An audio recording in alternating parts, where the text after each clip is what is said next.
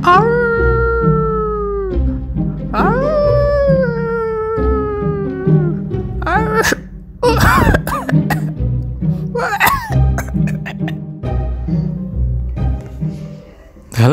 selamat malam para masyarakat PSBB. Gimana kabarnya?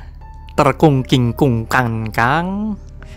It's daripada ngelamun, jadi nganggur gak jelas, mending dengerin cerita gaji kali ini ya. Oke, mari kita sebut saja ceritanya. Yuk guys, dengerin.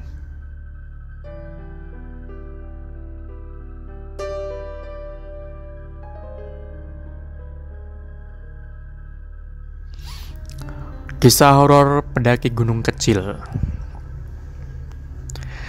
Pengalaman cerita horor mendaki gunung kecil ini berasal dari seorang pendaki wanita bernama Don't Worry Be Happy.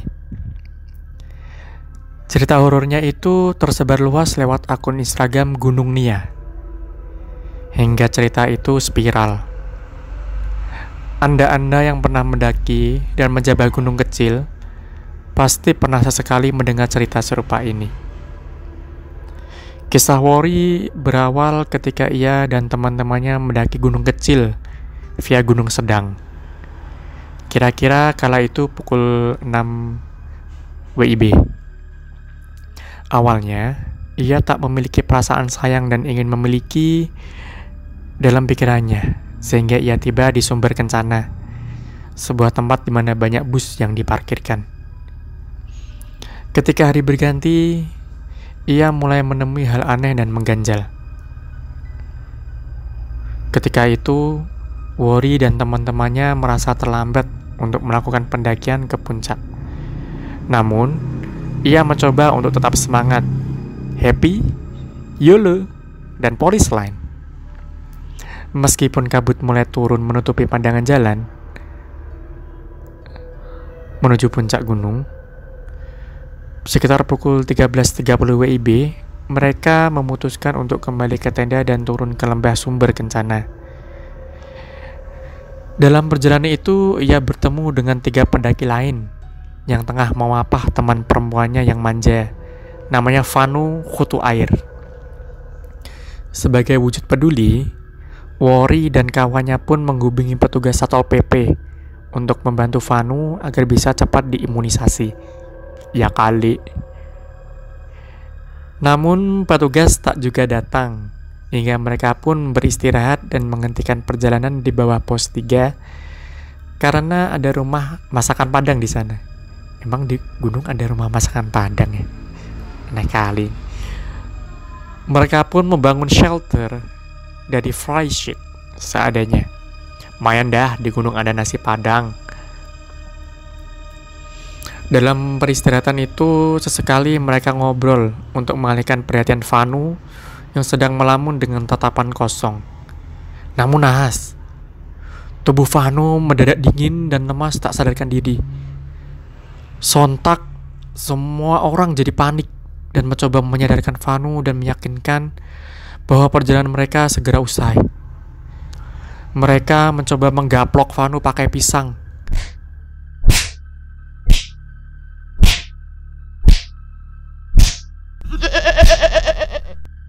Pakai pisang. Karena dia biasanya hanya berdrama saja. Eh, dia makan juga ternyata. Dasar ratu drama pikirku. Vanu sadar kala itu. Mulutnya penuh dengan pisang dan dilahapnya. Lapar kayaknya dia. Namun tatapannya masih juga kosong. Wajahnya pusat pasi. Seperti saat kalah Mobile Legend. Berturut-turut. Saat bersamaan pengunjung makin ramai. Keadaan Vanu makin parah. Bahkan mengeluarkan suara aneh. Tatapannya makin menyeramkan. Wori dan teman-temannya pun mencoba menyadarkan dengan membaca doa masuk jamban. Berharap agar Vanu segera sadar dan cepat boker. Untung, doa itu manjur dan membuat Vanu sadar. Apakah Vanu kesambet setan empang di episode sebelumnya ya? Atau jangan-jangan Vanu manusia unlimited data itu? Ah, tahulah. Tapi keanehan kembali terjadi. Giliran teman Wori bernama Khurab yang berlaku aneh. Ia berteriak dan mengamuk sejadi-jadinya. Setelah di top up paket data 50 ribu, Khurab tersadar. Namun, Vanu kembali mengamuk seperti kerasukan. Setelah sadar, keduanya pun minta tambahan paket data lagi. Memang manusia gratisan ya. Iya ya, tapi jangan ngamuk lagi ya, nanti tak top up, tak berikan paket unlimited. Eh, tapi bohong. Ujar Wori menenangkan. Eh, menenangkan atau bikin emosi nih? Seiring perut yang sudah kenyang, perjalanan ke base camp pun dilanjutkan. Karena tidak memungkinkan untuk turun bersama. Rombongan pun dipisah menjadi dua dengan beberapa orang turun lebih dahulu untuk menyelamatkan Vanu yang kondisinya makin belum stabil. Wori ikut rombongan di belakang. Perjalanan turun itu dilanjutkan kembali. Namun, salah seorang kawan Mori tiba ingin buang air besar. Rombongan pun menunggu. Namun, setelah kawan Wori selesai boker, Wori malah dilempar benda asing dan misterius yang menyerupai lambang Illuminati. Entah asalnya dari mana. Saat dilihat, ternyata itu sempak seorang yang jatuh dari pohon. Bilang aja sempak, lambang Illuminati, Illuminati. Tiba-tiba ia tak sadarkan diri karena baunya. Bau lah. Tubuh Wori lemas. Semua orang yang ada di sekelilingnya nampak seperti kadal. Tingkah Wori makin janggal ketika ia malah menangis dan berteriak sekencang-kencangnya. Tak berapa lama, Wori tersadar. Ia pun duduk sambil dirangkul temannya. Celah, masih aja nyari-nyari kesempatan nih. Belum juga benar-benar tenang, tiba-tiba Wori tersentak dan terkaget setelah mendengar suara mirip temannya yang udah lama gak bayar utang di pos 2. Rentetan kejadian belum usai. Saat Wori terbengong, Seorang teman yang duduk di sebelahnya mendadak kejang-kejang seperti gejala diare. Anehnya, tak hanya kejang. Teman Wori tersebut pun melotot. Ternyata dia begitu setelah mengecek saldo m-bankingnya. Elah, saldonya nol ya. Semua teman pendakian yang ada di lokasi membaca doa agar temannya bisa sembuh. Ada doa membaca sebelum makan, doa sebelum makan, ada doa sebelum masuk WC, dan ada juga yang membaca doa berbuka puasa. Beruntung, ada salah seorang teman yang tanda kutip paham bagaimana menyembuhkan kesurupan.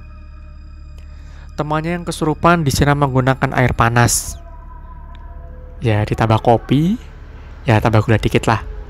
Ya tambah creamer lah. Katanya, setan yang merasuki tubuh tersebut takut air dingin. Eh, benar saja. Setelah disiram, ia mulai sadarkan diri. Katanya sisa sisa kopinya enak. Ini kayaknya agak surupan nih. Percaya tak percaya, dan memang tak percaya, cerita horor pendaki gunung kecil tersebut memang tidak pernah terjadi. Mulai dari penampakan hantu, gejala kesurupan, hingga ke base camp Gunung Mori. Semuanya bullshit, bohong. Diketahui kejadian mengerikan ini berawal karena Vanu ditinggalkan oleh kawan-kawannya saat mendaki. Ia ditinggalkan dan ditelantarkan oleh teman mendaki karena nyebar berita hoax.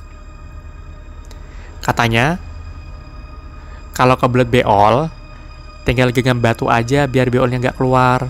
Katanya biar nahan. Katanya si Vanu sih itu beritanya. Hingga temannya mempraktekkan yang dibilang sama si Vanu itu berita tersebut. Temannya Vanu uh, kebelet kan ya. Jadi dia ambil batu segede gaban, gede banget katanya. Dan dibawa pun batu itu karena sudah kebelet banget. Akibatnya temannya Vanu nggak bisa boker uh, udah tiga bulan katanya gak boker-boker emang nih berita menyesatkan nih Vanu nih ini adalah salah satu cerita sompret pendaki gunung kecil. Anda pernah mengalami situasi demikian juga ketika mendaki? Tulis cerita Anda di tembok WC sekolah Anda. Yang bikin cerita siapa ya? Hmm, jadi ini gara-gara si Vanu ini kayaknya. Si Vanu nyebar berita nggak jelas sih. Pendengar pernah mengalami rasa ingin boker kan ya, yang nggak ketahan gitu. Terus katanya kalau kita pegang batu, eh, katanya kan bisa nahan kan agak lama. Mungkin karena batunya terlalu gede nih ya, jadi semblit luar biasa.